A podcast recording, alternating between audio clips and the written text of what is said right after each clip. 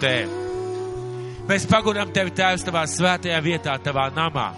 Kungs, kā Tava ģimene, kā Tavu bērni, kā Tavi izglābtie, kā Tavi atpestītie, kā Tavi svētītie, kā Tavi svaidītie. Kungs, kā Tavi kalpotāji, kā Tavas valstības pilsoņi. Un, mīļais Kungs, šodien, šodien Tēvs mēs slavējam Tevi. Mēs pielūdzam Tevi un dziedam Tavam svētajam vārdam. Mēs pagodinām, kungs, tev mīļais Dievs. Un šodien, Jēzus, mēs vēlamies tev teikt, ka tu esi svēts Dievs. Tu esi mūsu Dievs. Tu esi Dievs, kas uzvār. Tu esi Dievs, kas svētī. Tu esi Dievs, kas palīdz, kas paceļ, kas iepriecina, kas stiprina, kas ved tālāk, kas atklāj sevi mums, taviem bērniem, kas ir tūmā Dievs, kas noliecās mūsu vajadzībās, noliecās mūsu asarās, noliecās mūsu sāpēs, kas pieskarās ikvienam, kas redz ikvienu, mīļais Dievs, un viss ir tavā priekšā atklāts. Tu mīli mūsu tēvs, un mēs tevi slavējam šodien, pielūdzam un dziedam, ka tu esi svēts Dievs. Tu esi liels Dievs, augsts Dievs un svēts Dievs. Mīļā draudz, dziedāsim vēlreiz šos dziesmas pantus un apliecināsim, ka Viņš ir svēts Dievs, ka Viņš ir mūsu Dievs, ka mēs pieņemam šo godību, ka mēs pielūdzam šo slavu, ka mēs pielūdzam šo godības pilno klātbūtni, kas ir mūsu dzīvē caur viņa dēlu Jēzu Kristu.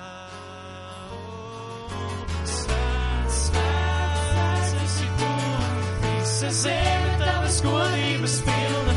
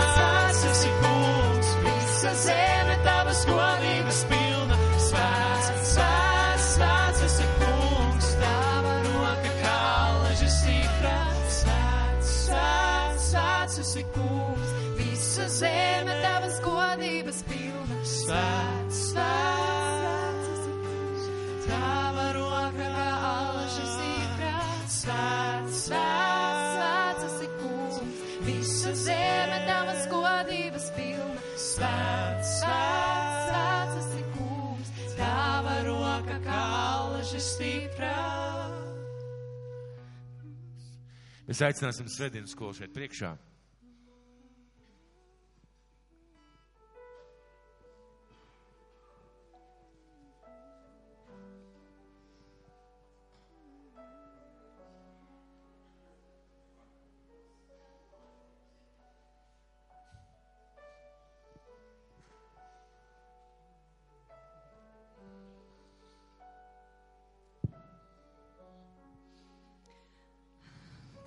Kopā lūgsim debes tēvu par, par visiem bērniņiem. Mīļais Jēzu, paldies Tev, ka Tu esi mūsu tētis. Paldies Tev, ka mēs varam būt Tavi bērni. Un šajā laikā, mīļais Jēzu, kad mēs visi gatavojamies Tavai dzimšanas dienā, ka mēs visi gatavojam viens otram dāvanas, lai Tavā dzimšanas dienā viens otru iepriecinātu un reizē arī Tevi iepriecinātu. Lūdzu, Jēzu, ka mēs katrs saprastu, ka vislielākā dāvana mums jau ir dota. Tu, Dievs, mums esi devis savu dēlu Jēzu Kristu. Tā ir vislielākā dāvana. Kungs, Jēzu, paldies Tev par Tavu dēlu. Dievs, paldies Tev par Tavu dēlu Jēzu Kristu. Kungs, tiešām lūdzam Tevi par katru bērniņu. Kungs, sagatavo un uzrunā un samīļo katru šo mazo un lielo sirsniņu. Kungs, debes Tēvs samīļo, lūdzu. Un, kungs, debes Tēvs, lūdzu, ja kādam, ja kādam šajos svētkos nebūs tik daudz dāvanas, kā kāds gaidītu, ka tiešām tu stipri sevišķi samīļo debes Tēvs, un kad tu dod debes Tēvs saprast, ka tu esi lielākā dāvana, un ka cilvēki, kas mums ir blakus, mūsu mīļā, mīļie visi, tie ir mūsu dāvana, ko tu mums esi devis. Kungs, svētī lūdzu katru bērniņu un viņu mīļos visus. Kungs, svētī lūdzu visus kalpotājus, visus svētdienas skolas kalpotājus, debes tēvs. Svētī lūdzu, ka tu pats runā uz katru bērniņu to, ko tu gribi runāt un iecēt šajās mazās sirsniņās. Jēzus vārdā tevi lūdzam un tev pateicamies. Amen. Un ar aplausiem mēs viņus pavadām. Lūdzu, sēdīsimies.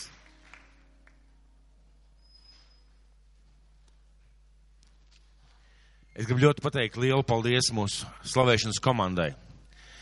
Manuprāt, viņi šodien brīnišķīgā veidā mūs personīgi katru veda šie divi pielūgsmē un droši vien, ka katrs no katra personīgi bija atkarīgs, vai mēs, vai mēs satikām Kristu, vai mēs piedzīvojam viņu klātbūtni, vai mēs sajūtām viņu tūmu. No katra personīgi bija atkarīgs, bet tiešām paldies, paldies mūsu, mūsu slavēšanas komandai. Paldies svētiem garam par to, ko viņš šodien darīja mūsu vidū.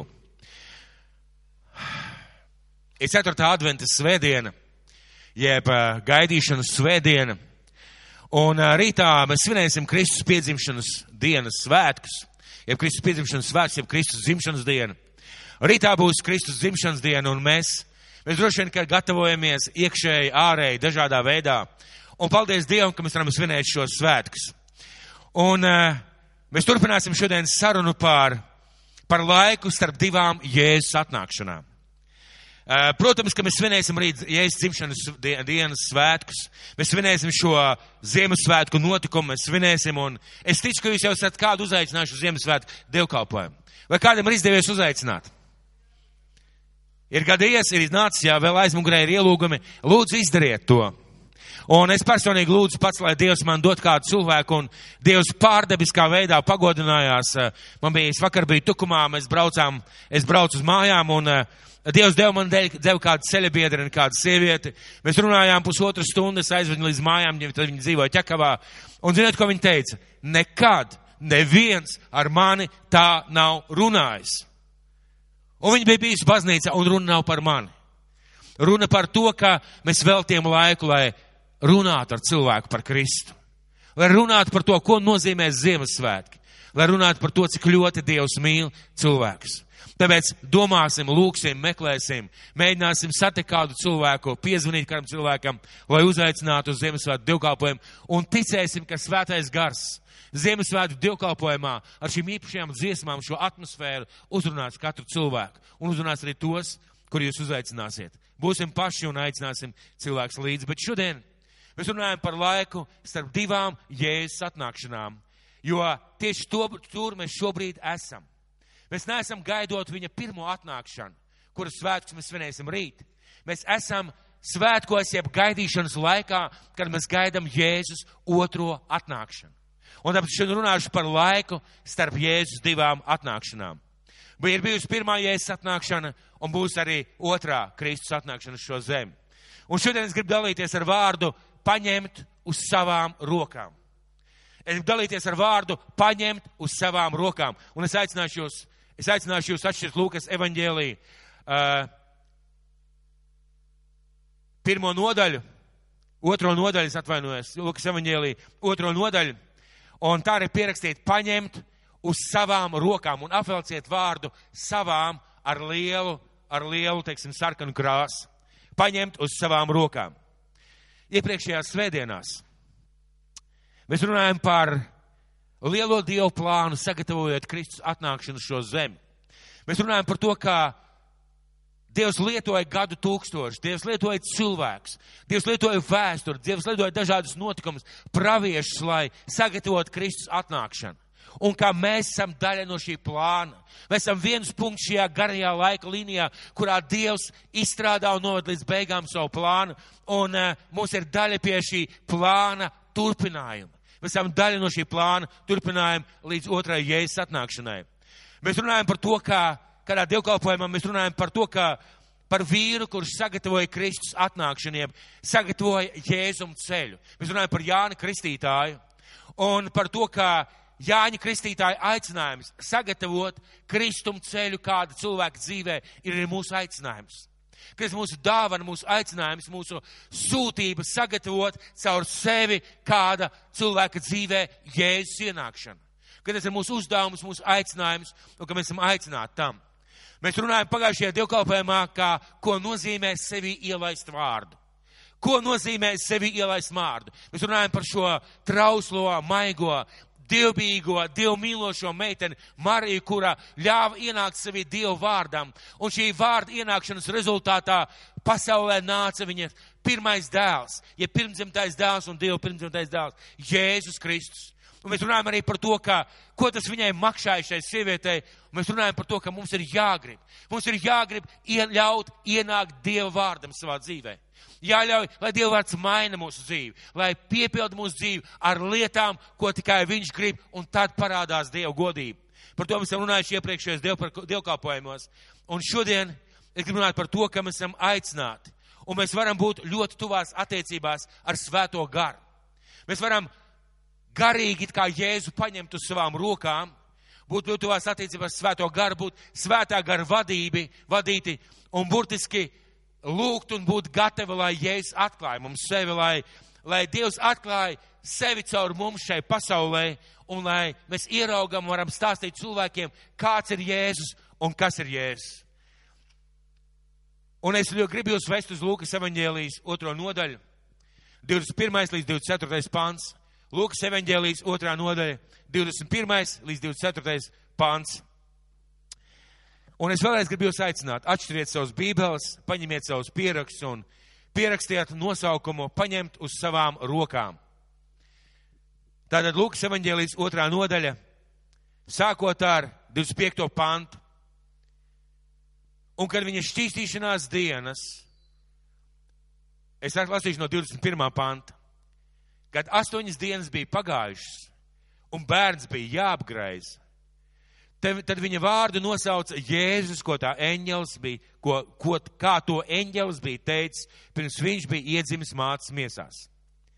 Un kad viņa šķīstīšanās dienas bija pagājušas, pēc mūzes bauslības, tad tie viņi nes uz Jeruzālēm, lai to stādītu tam kungam priekšā. Pēc tā kunga bauslības priekšraksta katru vīriešu kārtas pirmzimto, lai, pirmzimtais, lai ir dievam svētīts.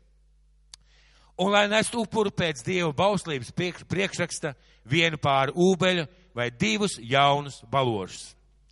Un šajā vietā svētais gars mums stāsta par notikumiem pirms Jēzus ir svētīts. Tātad pirmām kārtām astotajā dienā bērniņu apgraizīja un viņam tiek dots vārds Jēzus, kā to eņģelis bija teicis. Un, protams, ka Marijai ir jāsaka, bija viegli dot šo vārdu, jo viņa piedzīvoja brīnumu, viņa sajūta šo brīnumu, un šis brīnums ienāca, viņš brieda Marijas miesā, un viņš beidzot nāca pasaulē, un nosauc šo bērniņu vārdā Jēzus. Un tālāk rakstīts par to, ka, tā, ka viņa šķīstīšanās dienas bija pagājušas, tas ir pagājušas 40 dienas, kad sievietē bija pēc mūzes bauslības jāšķīstās, un viņa nāk uz Dieva templī, lai Dieva templī tajā vietā, kur atklājās Dievs, tajā vietā, kur atklājas Dievs, lai svētītu bērniņu uh, Dievam.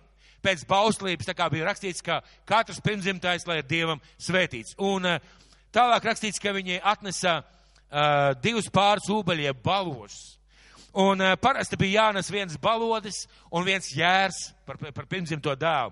Bet, ja cilvēki bija trūcīgi, viņi varēja atnest divus balošus. Un, lūk, Jāzeps un Marija atnāk, lai atnes šos balošus, lai svētītu Jēzu un lai, lai caur Jēzu tiktu piepildītu bauslību.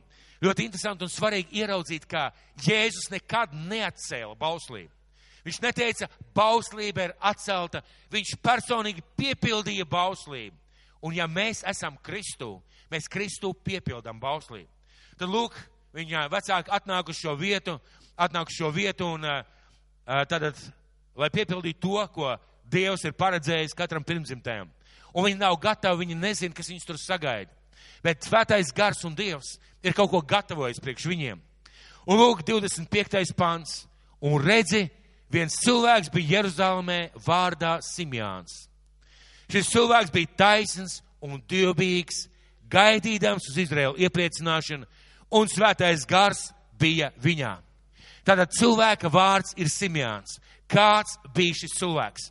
Un svētais gars mums dod precīzu zināmu aprakstu par šo cilvēku, kāds bija šis cilvēks, kurš tajā vietā, kur atklājās Dievs, paņem šo mazo bērniņu uz rokām un svētī. Manuprāt, un es zinu, saprotu, ka tas nav vienkārši. Tas nav vienkārši tās Dievs. Mums ar šo, šiem pantiem vēlās kaut ko pateikt. Tad lūk, tajā vietā, kur ir Dieva godība, kur viņai vajadzētu būt, ir šis vārds Simeons, vārdā Simeons, un uh, templī tajā vietā viņš paņem jēzus uz rokām. Un Dievs pats par viņu saka taisns. Šis vīrs bija taisns. Tātad viņš bija godīgs, viņš bija patiesa, viņš bija īsts, ticīgais cilvēks. Viņš bija īsts izrēlietis, īsts, ticīgs cilvēks. Otrā lieta, kas par šo cilvēku teiks, viņš bija dievbijīgs, viņš pildīja dieva bauslību, viņš staigāja savu dievu priekšā, bet nekā reliģija. Ja mēs skatāmies uz tā laika tempu, mēs saprotam, ka ļoti daudzas lietas bija vienkārši tāpēc, ka bija. Vienkārši tāpēc, ka tā darīja. Vienkārši tāpēc, ka tā bija pateikts. Vienkārši tāpēc, ka tā tēve mācīja. Ja Dievs saka par šo cilvēku dievbijīgs, viņš bija savādāks. Viņš tiešām mīlēja Dievu, viņš staigāja Dievu priekšā, viņš, viņš bija dievbijīgs un bez tādas reliģijas nevajadzīgs piedevs. Tātad viņš pildīja Dievu bauslību, bet nekā reliģija. Un trešā lieta, kas par viņu ir pateikts, trešā lieta, kas ir gaidīdams uz Izrēla iepriecināšanu. Gaidīdams Izrēla iepriecināšanu. Citā tulkojumā teikts, ilgodamies pēc, pēc Izrēla iepriecināšanu. Un man šis vārds kaut ko pasaka. Man šis vārds, mīļie, kaut ko pasaka. Cik daudz šodien ilgojās pēc savām svētībām. Cik daudz šodien ilgojās būt savā mierā. Cik daudz šodien ilgojās pēc tā, lai man viss būtu labi, lai manā dzīvē viss būtu labi, lai viss būtu kārtībā. Šis vīrs ilgojās pēc Izrēla iepriecinājuma. Šī vīra dzīvē bija kaut kas īpašs. Viņš ilgojās, viņš gaidīja, viņš, viņš, viņš eh, lūdza, viņš meklēja, viņš dzīvoja šajās dieva, dieva godības gaidās ne tikai priekš sevis. Viņš ilgojās, lai šī dieva godība būtu cilvēku dzīvē. Un tālāk rakstīts, un svētais gars bija pār viņu. Un tas man kaut ko pasaka. Ziniet, kādu reizi, jūs ziniet, man, es tiešām mīlu lūgt Dievu. Man tiešām patīk, un kas izdodas, kas neizdodas, bet es kādu reizi, es stāvēju Dievu priekšā un bija jau pagājis kādu stundu vai varbūt pat vairāk. Es lūdzu, debes tēvs, atklājies man. Debes tēvs, atklājies man. Es gribu tevi saprast, es gribu tevi piedzīvot, es gribu tevi izprast, es gribu redzēt, kāds tu esi. Un svētais gars man saka, priekš kam tev to vajag? Priekš kam tev to vajag? Un, protams, katram ir jautājums, nu kā lai es tevi pazītu? Un ziniet, ko svētais gars saka? Ir kaut kāds līmenis, līdz kuram es atklājos cilvēkiem, kas meklē Dievu priekš sevis. Ir kaut kāds līmenis. Bet ja cilvēks to meklē tikai priekš sevis, kāpēc man viņam atklāt savus dziļumus? Kāpēc man viņam atklāt, viņam atklāt savu spēku? Kāpēc viņam atklāt pārdabiskas lietas, ja cilvēks to meklē tikai priekš sevis? Un te nav runa par nosodījumu, tas ir tāds garīgs princips. Simeāns ilgojās pēc Izraēla iepriecināšanas. Viņš ilgojās, lai Dieva tauta būtu svētīta. Viņš ilgojās par to, lai Izraels, Dieva bērni, viņa tauta, lai viņai atnāktu šis pestītājs, un tā ir milzīga starpība. Un svētais gars man personīgi pateica, es atklājos dziļāk tiem, kuri meklē mani citu cilvēku dēļ. Ne tikai sevis, bet citu cilvēku dēļ. Jautājums ir, kāpēc mēs šodien meklējam Dievu? Kāpēc mēs lai mēs būtu izglābti. Slavu Dievam! Lai mēs būtu atpestīti. Slavu Dievam! Lai Dievs mums palīdzētu. Slavu Dievam! Bet ziniet ko? Visas šīs, šīs te, šīs te tempļa laikā, ja tajā laikā, kad Jēzus tiek ienests, ir minēti tikai divi cilvēki. Tikai divi cilvēki. Kāpēc? Viens vīrietis un viena sieviete. Pirmām kārtām tāpēc, lai mēs saprastu, ka sievietes arī var ilgoties pēc Dieva, un viņas arī var būt Dieva kalponis. Otrām kārtām, lai parādītu, ka gan sievietes, gan vīrieši var meklēt Dievu. Un trešām kārtām, lai uzsvērtu, šie cilvēki gaidīja uz Izrēla iepriecināšanu. Un tā ir tā milzīgā starpība, mīļā, mīļā, mīļā brāļu māsas, kas iztaisa starp šo cilvēku. Viņai bija svētais gars un šodien Mēs bieži sakām, slava Dievam par svēto garu. Halleluja par svēto garu. Par runāšanu mēlēs, par zīmēm, par brīnumiem. Mēs ilgojamies pēc vēl vairāk, mēs ilgojamies, lai tas notika mūsu dzīvē. Un vienmēr ir jautājums, kāpēc man tas ir vajadzīgs? Kāpēc? Man vajag priekš sevis. Jā un āben. Bet kas ir tālākais manis? Kas ir tālākais tā, ko es spēju, ko es varu? Kāpēc es šodien pelnu labu algu? Vai kāpēc es šodien man ir kaut kādas dāvanas vai talanti? Kāpēc tas viss ir vajadzīgs? Jā, priekš manis, priekš manas nama, priekš manas ģimenes. Bet, manuprāt, šajā vietā Dievs mums atklāja kādu principu. Šis cilvēks ilgojās pēc Izrēla iepriecinājuma. Gaidīdams Izrēla iepriecināšanu. Priekš sevis un priekš citiem. Viņš gaidīja mesiju. Viņš nedzīvoja tikai priekš sevis, viņš dzīvoja priekš savas tautas. Arī priekš savas tautas. Un svētais gars bija viņā. Šis pārdebiskais dieva gars. Es gribētu teikt, ideāls kristietis. Ideāls kristietis, kas ir gatavs kalpot, kas ir divbīgs, kas ir taisns un kas ilgojās pēc Izraela iepriecinājuma. Bet, protams, ka viņa dzīvē vēl līdz tam mirklim nav Kristus. Viņam svētais gars bija pasludinājis, ka es nāvi neredzēšot tiekams, nebūšot redzējis tā kunga svaidīto. Viņam svētais gars bija pasludinājis, ka tas, uh, viņam svētais gars bija pasludinājis, ka tas nāvi neredzēšot tiekams, nebūšot redzējis tā kunga svaidīto.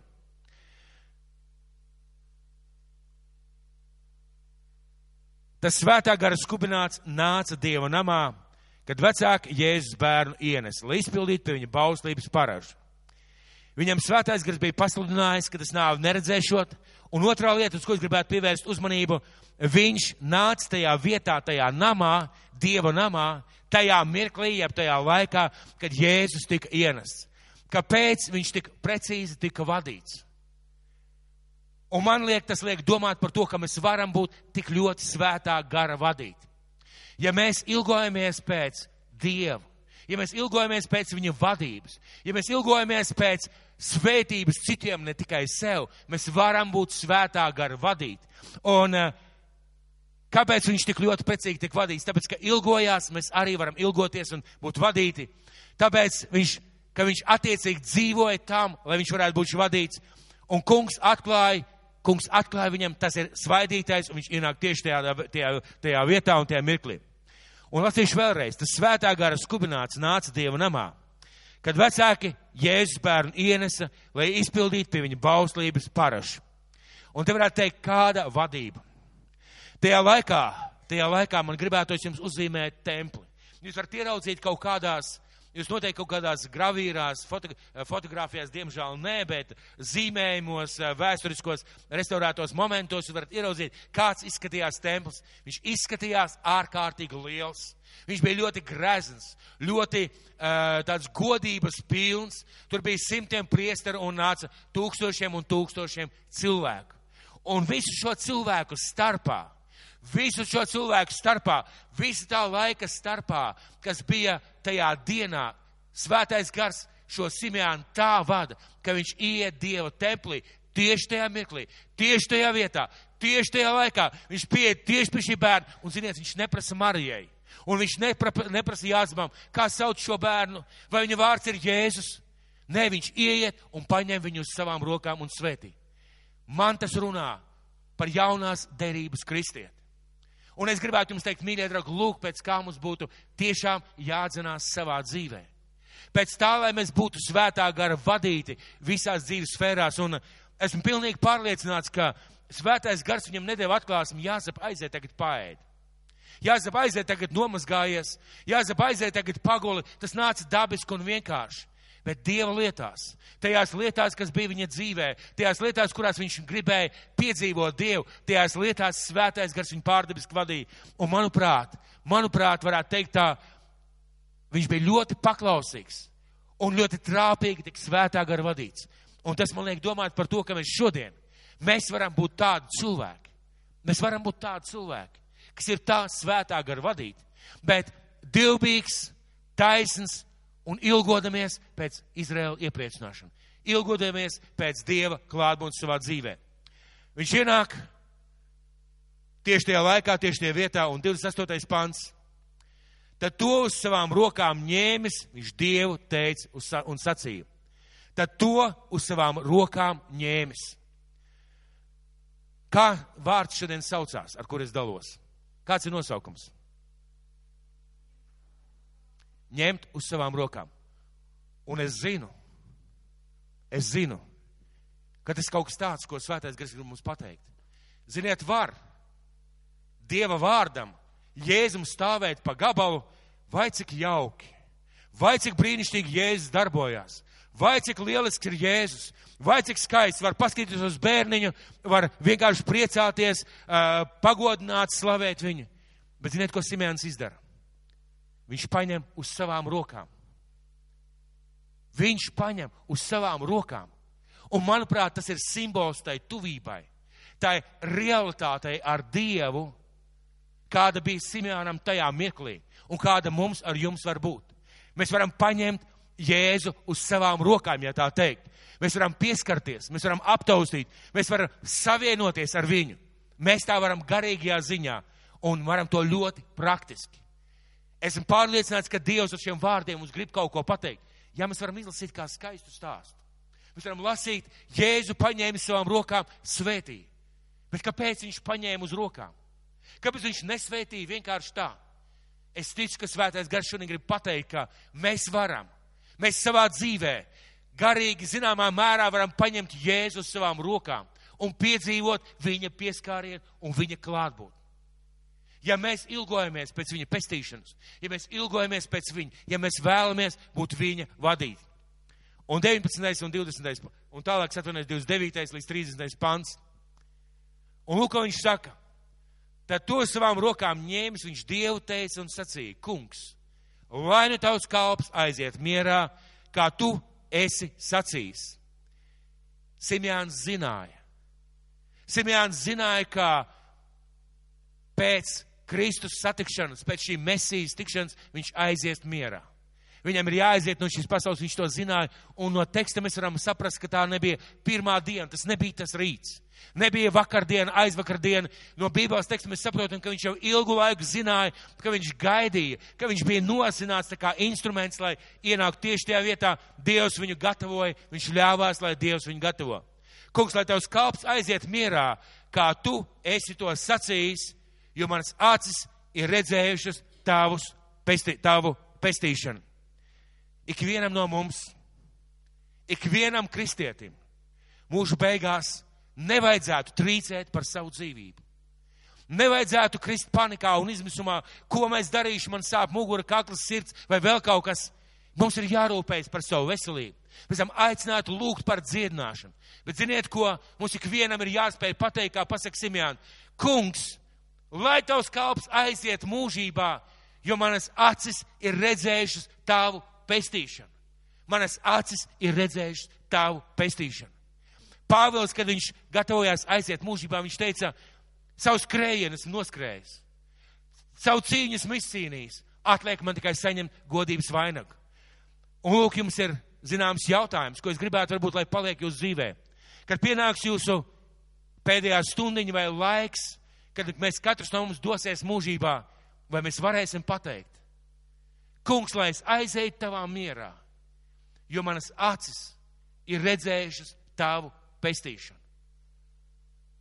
Un vienalga, cik mēs esam jauni, mums ir jābūt šai iekšējai pārliecībai. Un ja kāds cilvēks, kurš ir uh, sirmos gados vai vecumā, un es nerunāju par ciešanām un sāpēm, lai Dievs tiešām atpestīja, bet ir jābūt šai pārliecībai. Un, ziniet, Simeonām ir pārliecība. Viņš paņem Jēzu uz rokām. Viņš patiesībā gavelē par to mirkli, ka viņš var aiziet mūžībā pie sava debesu tēva, jo viņš ir ilgojies, viņš ir lūdzis, viņš ir meklējis un viņš ir piedzīvojis. Mēs varam tā staigāt. Mēs varam tā dzīvot. Un uh, ir cilvēki, kuri saka, ka mums vajadzētu dzīvot katru dienu kā pēdējo. Un es viņiem zināmā mērā piekrītu katru dienu kā pēdējo. Es piekrītu tajā ziņā, ka jādzīvo ar to attieksmi, kā tā būtu pēdējā diena, bet jāskatās uz priekšu, it kā priekšā vēl būtu mūžība. Jāplāno savu dzīvi tā, it kā priekšā vēl būtu mūžība, bet jādzīvo, it kā tā būtu pēdējā diena. Un Simjāns tā dzīvoja. Kāpēc mums šis stāsts? Kāpēc Dievs vēlās, lai mēs šo stāstu? Vai tikai tāpēc, lai mums būtu liecība, ka divi cilvēki liecināja par Jēzu? Ne tāpēc, lai mēs sevi ieraudzītu. Un ne tāpēc, lai sevi noniecinātu vai kritizētu, bet lai ieraudzītu šo, šo standartu, šo, šo robežu, šo, šo augsto latiņu, ko Dievs mums aicina katram paņemt savā dzīvē. Ziniet, neviens nekad nav pārliecis metru 50, divi metri vai varbūt pat vairāk, ja viņš neuzstāda pirmo reizi savā dzīvē šo augsto latiņu. Ziniet, augstlēcēji, kad viņi lec, vai ar kārtslēcēju, jebkuru lecēju, vienmēr tie ir kāda kāds pirmo reizi kāds augstums, kur nostāda šis augstlēcējs. un es ticu, ka svētais gars vēlās, lai šos Ziemassvētkos mēs ostādam šo latiņu. Kāpēc man nekļūt savā dzīvē kā Simēnam? Nē, nu man negribās būt vecam, negribās uh, visu, laiku, visu laiku pavadīt baznīcā, ja? bet kāpēc mums nenostādīt šo augsto latiņu? Būt svētā gara vadītam, būt cilvēkam, kurš gandrīz vai fiziski pieskarās Kristum, caur kuru Kristus burtiski tiek pagodināts. Mēs varam to darīt. Mēs esam aicināti to darīt. Un ikvienam mums mūža beigās vajadzētu pateikt, lai nu tavs kalps aiziet mierā, ko tu esi sacījis, jo manas acis, nevis draudzes acis, nevis mācītāju acis, nevis manas māsas, bet manas acis ir redzējušas tavu pestīšanu. Manas rokas ir paņēmušas Kristu. Un skatīsimies tālāk. Jo manas acis ir redzējušas tavu pestīšanu, ko tu esi sataisījis visiem ļaudīm, gaismu apgaismot pagānus un par slavu saviem Izrēla ļaudīm. Un ļoti interesanta vieta. Ja jūs tajā laikā pajautātu ebreju rabīniem, priestriem, augstākai reliģiskai, teiksim, šī te vadībai un augstākiem reliģiskiem kalpotēm, ziniet, ko viņiem pateikt? Pestīšana ir tikai Izrēlam. Pie Izrēla nāks Mesija.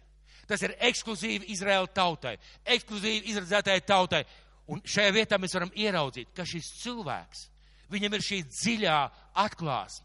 Daudz dziļāka atklāsme par tā laika priestriem un kalpotājiem, kuriem bija atklāsme, ka pagāni visi ir atkrituši un ka viņi pazaudējuši Dievu, ka viņiem Dievu nebūs. Šim cilvēkam ir atklāsme, ka šī pestīšana ir visiem ļaudīm. Ka šī pestīšana ir pagānu tautām, mums tiem, kas nav no Izraēla tautas. Tik dziļa atklāsme. Manuprāt, arī tas ir tas, ko viņam svētais gars bija atklājis. Un tas bija daudz vairāk, daudz dziļāk nekā pārējiem kalpotājiem. Kādu Jēzu Simjāns paņēma uz savām rokām? Kādu Jēzus Simjāns paņēma uz savām rokām? Mazu bērnu. Mazu bērnu, varētu teikt, tā zīdainīti. Zīdainīti, kurš bija mazs bērniņš, zīdainīts, nemāk nerunāt, droši vien, ka autiņos ietīts. Mazs bērniņš. Viņš paņem uz rokām. Kādu Jēzu Simjāns redzēja? Viņš paņēma uz rokām fiziski mazu bērniņu. Bet kādu Jēzu viņš redzēja? Viņš redzēja Jēzu kā pasaules glābēju un pasaules pestītāju. Ja mūsu dzīvē Jēzus vēl ir maziņš, ja mūsu dzīvē Jēzus vēl nav piepildījis mūsu dzīvi, ja mūsu dzīvē vēl nav lietas, ko mēs dzīvojam, vai saprotam, vai ilgojamies, vai redzam, kā Kristus redz, mums ir jāsaprot, ka mums ir iedodas zināmā mērā tāda kā zīle. Kad jūs paņemat zīli, žēl man nav zīles.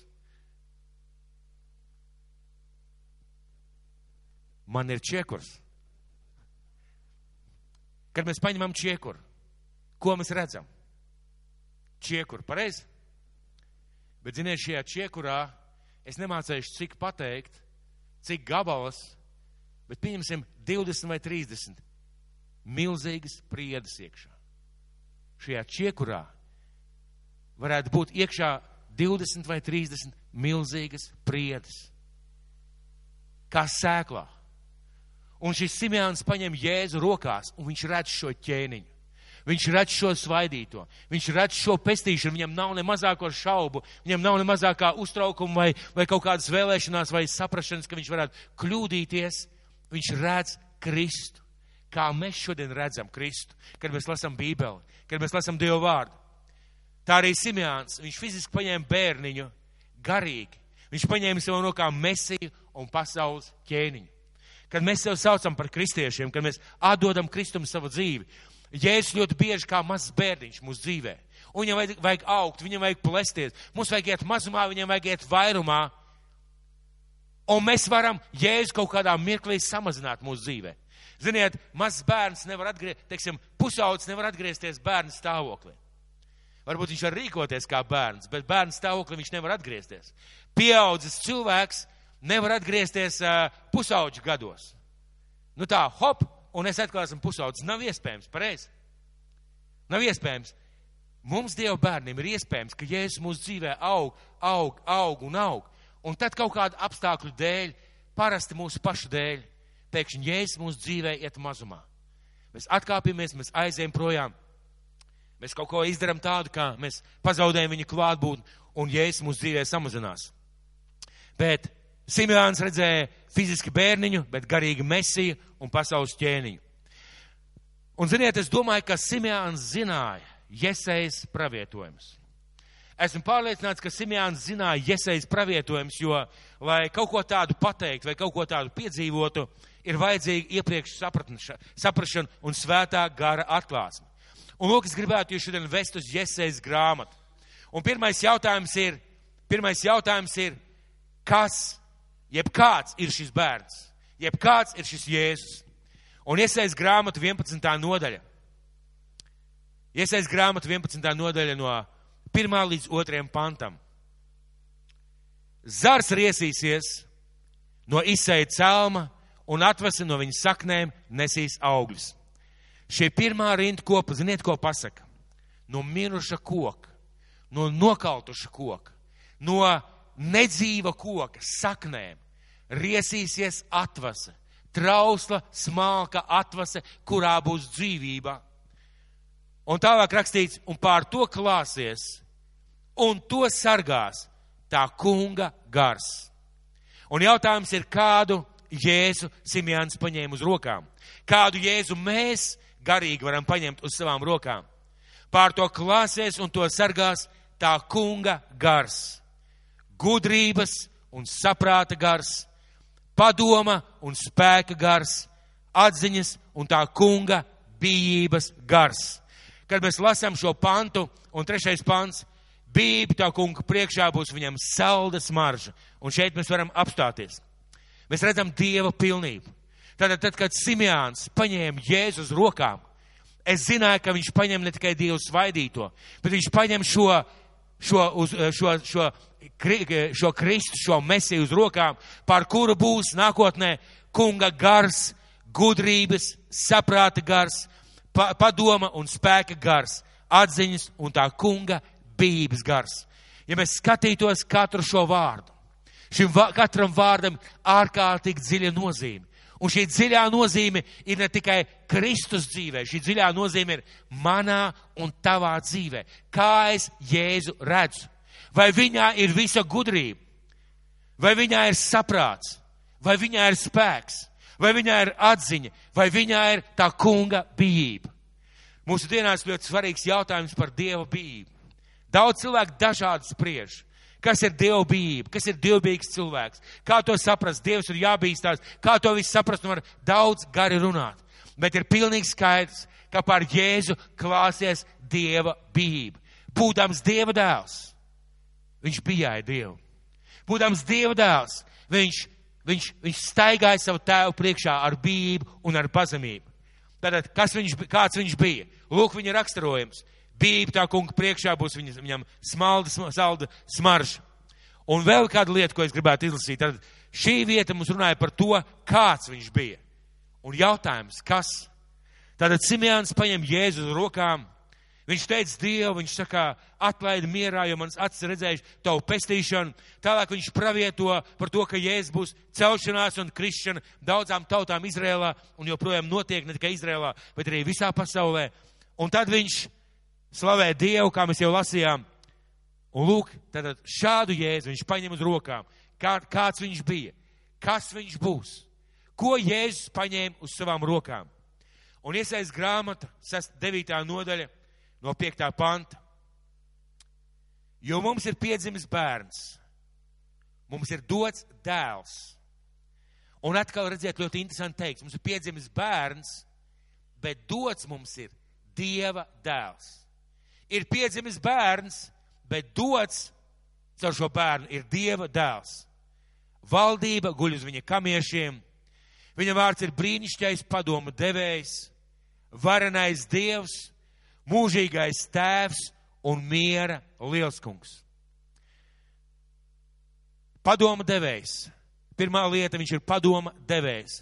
Viņa vārds ir, un kad mēs runājam par Dievu, tad Dievs sevi ir identificējis ar saviem vārdiem. Kad viņš saka, esmu tas, un tas ir it kā vārds. Bet ja cilvēks var teikt, es esmu Romas pāvests, un cilvēks var melot. Es esmu tāds vai tāds vai tāds vai tāds, un cilvēks var kļūdīties, cilvēks var darīt nepareizi, cilvēks var lietot šo vārdu nepareizi, un cilvēks var samaloties. Kad Dievs par sevi kaut ko saka, viņš tieši tā arī domā, un tas viņš arī ir. Un lūk, pirmā lieta, ko šajā vietā Jēzei pravieto par, par Jēzu, padoma devējs. Jēzum ir mūžīgās dzīvības vārdi. Padomājiet, Jēzum ir mūžīgās dzīvības vārdi. Katrs vārds, ko viņš teica, katra lieta, ko viņš ir mācījis, katra lieta, ko mēs varam izlasīt šeit, kā Jēzus mācīja, tā ir mūžīga vērtība. Tā ir vērtība, kas atver debesis, kas atver Dieva žēlstību, atver Dievu klātbūtni, Dievu palīdzību un Dievu svētību. Tad ir mūžīgās dzīvības vārdi. Otrā lieta - varenais Dievs. Tātad fiziskā veidā Dieva visa pilnība viņā iemājoja. Viņš bija pilnīgs Dievs un pilnīgs cilvēks. Un ja šeit saka, viņš būs, viņš būs pilnīgs Dievs un šī te pilnīgais Dievs iemājos cilvēciskā miesā. Mūžīgais tēvs. Šis vārds mūžīgais tēvs nozīmē, ka viņš vienmēr rūpēsies un gādās par tevi. Viņš vienmēr būs kopā ar tevi. Viņš vienmēr būs kopā ar cilvēkiem, kas ir viņa bērni. Vienmēr, mūžīgi un vienmēr. Miera liels kungs. Viņa valdīšana mūsu dzīvē, viņa valdīšana pār šo pasauli, viņa valdīšana tūkstošu gadu miera valstībā būs miera pilna.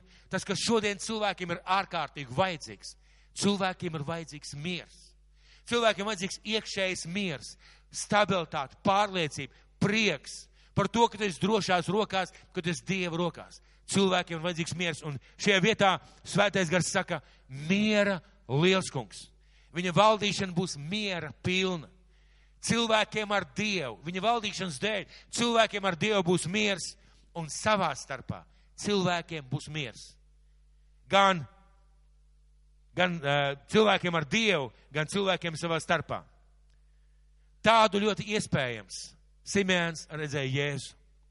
Kas notiks ar viņa valdīšanu? Kas notiks ar to, ka viņš ir tāds? Kas notiks ar to, ka uz viņa dušie septiņi gari vai dievu pilnība? Viņa valstība ies plašumā. Un miers būs bez gala uz Dāvida troņa. Un viņa ķēniņa valstībā, viņam to nostiprinot un atbalstot ar tiesu un taisnību. No šā laika mūžīgi. To darīs tā kunga Sebauta dedzīgums. Viņa valstība ies plašumā, un miers būs bez gala uz Dāvida troņa un viņa ķēniņa valstībā. Viņam to nostiprinot, atbalstot ar tiesu un taisnību. No šā laika mūžīgi to darīs tā kunga Sebauta dedzīgums. Atkal šis vārds dedzīgums. Un tādu Jēzu Simeons paņēma uz savām rokām. Tādu Jēzu Simeons redzēja. Kādu tu redzi Jēzu? Kādu mēs redzam Jēzu? Kad par viņu sludina, vajadzētu izslēgt kristīgo radio. Kad par viņu runā, vajadzētu laisties saldā miegā. Vai kad par viņu runā, vajadzētu gavilēt, priecāties un, un pieņemt viņu tādu, kāds viņš ir. Šie vārdi, šīs lietas, ko mēs šodien runājām, tas ir tas, tas iemesls vai veids, kā Dievs vēlās, lai mēs rītā, kad svinēsim viņa dzimšanas dienu, lai mēs viņu tādu arī redzētu. Protams, mēs nesvinām viņu kā mazo bērniņu. Protams, neviena evaņģēliskā draudze neskatās viņu kā uz mazo bērniņu, kā nesen kāds cilvēks man uzdāvināja plasmas lelīti un plasmasas silīti. Tas bija interesanti. Man uzdāvināja plasmas lelīti un plasmas silīti kā tādu Ziemassvētku simbolu. Ticiet vai nē, es nezināju, ko darīt ar to. Nu, kur tu to liksi? Kur, kur to var likt? Es atradu veidu, kur to likt. Cilvēks to darīja no labas sirds, ar visu skaidru pārliecību, bet, ziniet, viņš nav tas. Priekš manis Kristus neietilps plasmasas lelītē. Viņa tronis nav silīte. Jau sen, jau 2000 gadus. Viņa tronis un viņa valstība ir mūsu dzīvē, mūsu sirdīs, un viņš valda par šo zemi. Un rītā mēs svinēsim viņa dzimšanas dienu. Ja mēs rītā svinētu valsts prezidenta dienu, dzimšanas dienu, un jūs būtu aicināti. Cik ļoti jūs gatavotos? Vai kādam šajā zālē ir smokings? Ir kādam zāl, šajā zālē smokings? Deividam ir, es saprotu, no, no kāzām laikam palika, ja? Viņš māja ir galva. Ļoti iespējams, daudz no mums aiziet uz uh, īres uh, kantoru un noīrēt smokingu. Vai šeit kādam ir uh, ļoti dārga un skaista balles kleita? Māsas ir taču noteikti, vai ne? Es saprotu, jūs esat kautrīgs. Skapis jau vairs neiet ciet, ar plecu jāspiež ciet, bet nav ko mugurā ģērbt. Es saprotu. Bet mēs noteikti sapostos pareizi. Mēs noteikti nopirktu labākos ziedus. Nevis par eiro 50, bet par 3 eiro rozes. Pareizi? Pie kā mēs ejam? Mēs ejam pie prezidenta, un mēs vēl ilgi stāstītu, ka mēs bijām pie prezidenta uz dzimšanas dienu. Rītā mūsu ķēniņam ir dzimšanas diena.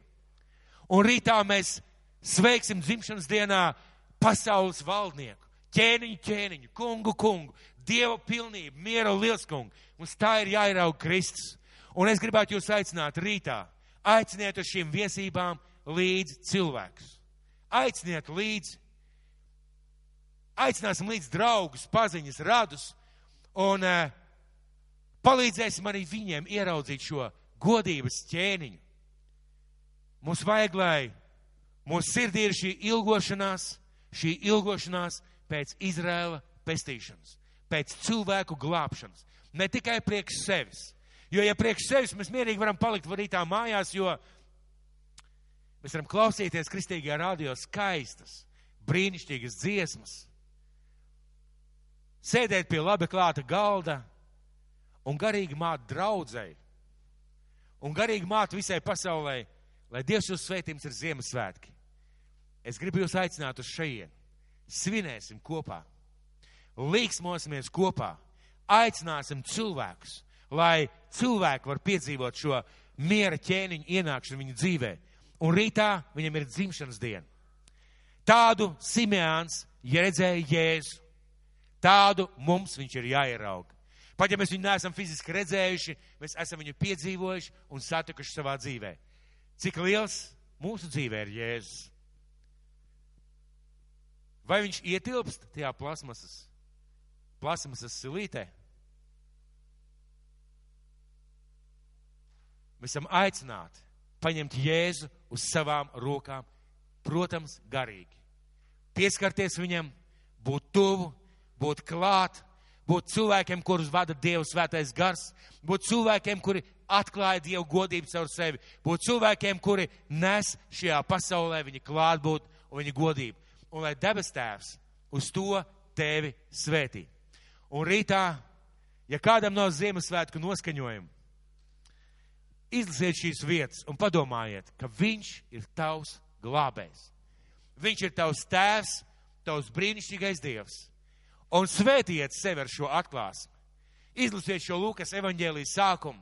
Izlasiet šīs iesejas grāmatas vietas, 9 un 11 nodaļu pašu sākumus. Un es ticu, ka svētais gars jūs iepriecinās, jo tas ir viņš, kas ir jūsu dzīvē. Lai Dievs jūs svētī šodien! Lai Dievs jūs svētī rītā. Un tiekamies rīt Ziemassvētku dievkalpojumā, kad mēs nedziedāsim dziesmu. Katru gadu no jauna Kristus bērniņš nāk. Pie mums zemē ļaunā un mūsu pestīt sāk. Vai jūs pamanījāt vārdus? Katru gadu no jauna Kristus bērniņš nāk. Lai Dievs mūs atpestīja mīļie no tādām dziesmām. Viņš ir jau atnācis. Viņš ir mūsu vidū. Viņš ir ķēniņš, viņš ir kungs un katru gadu no jauna viņš nedzimst. Tāpēc, lai Dievs jūs svētī, aicināsim slavēšanas komandu uz skatuves. Un tagad būs uh, laiks, kad mēs lūgsim Dievu par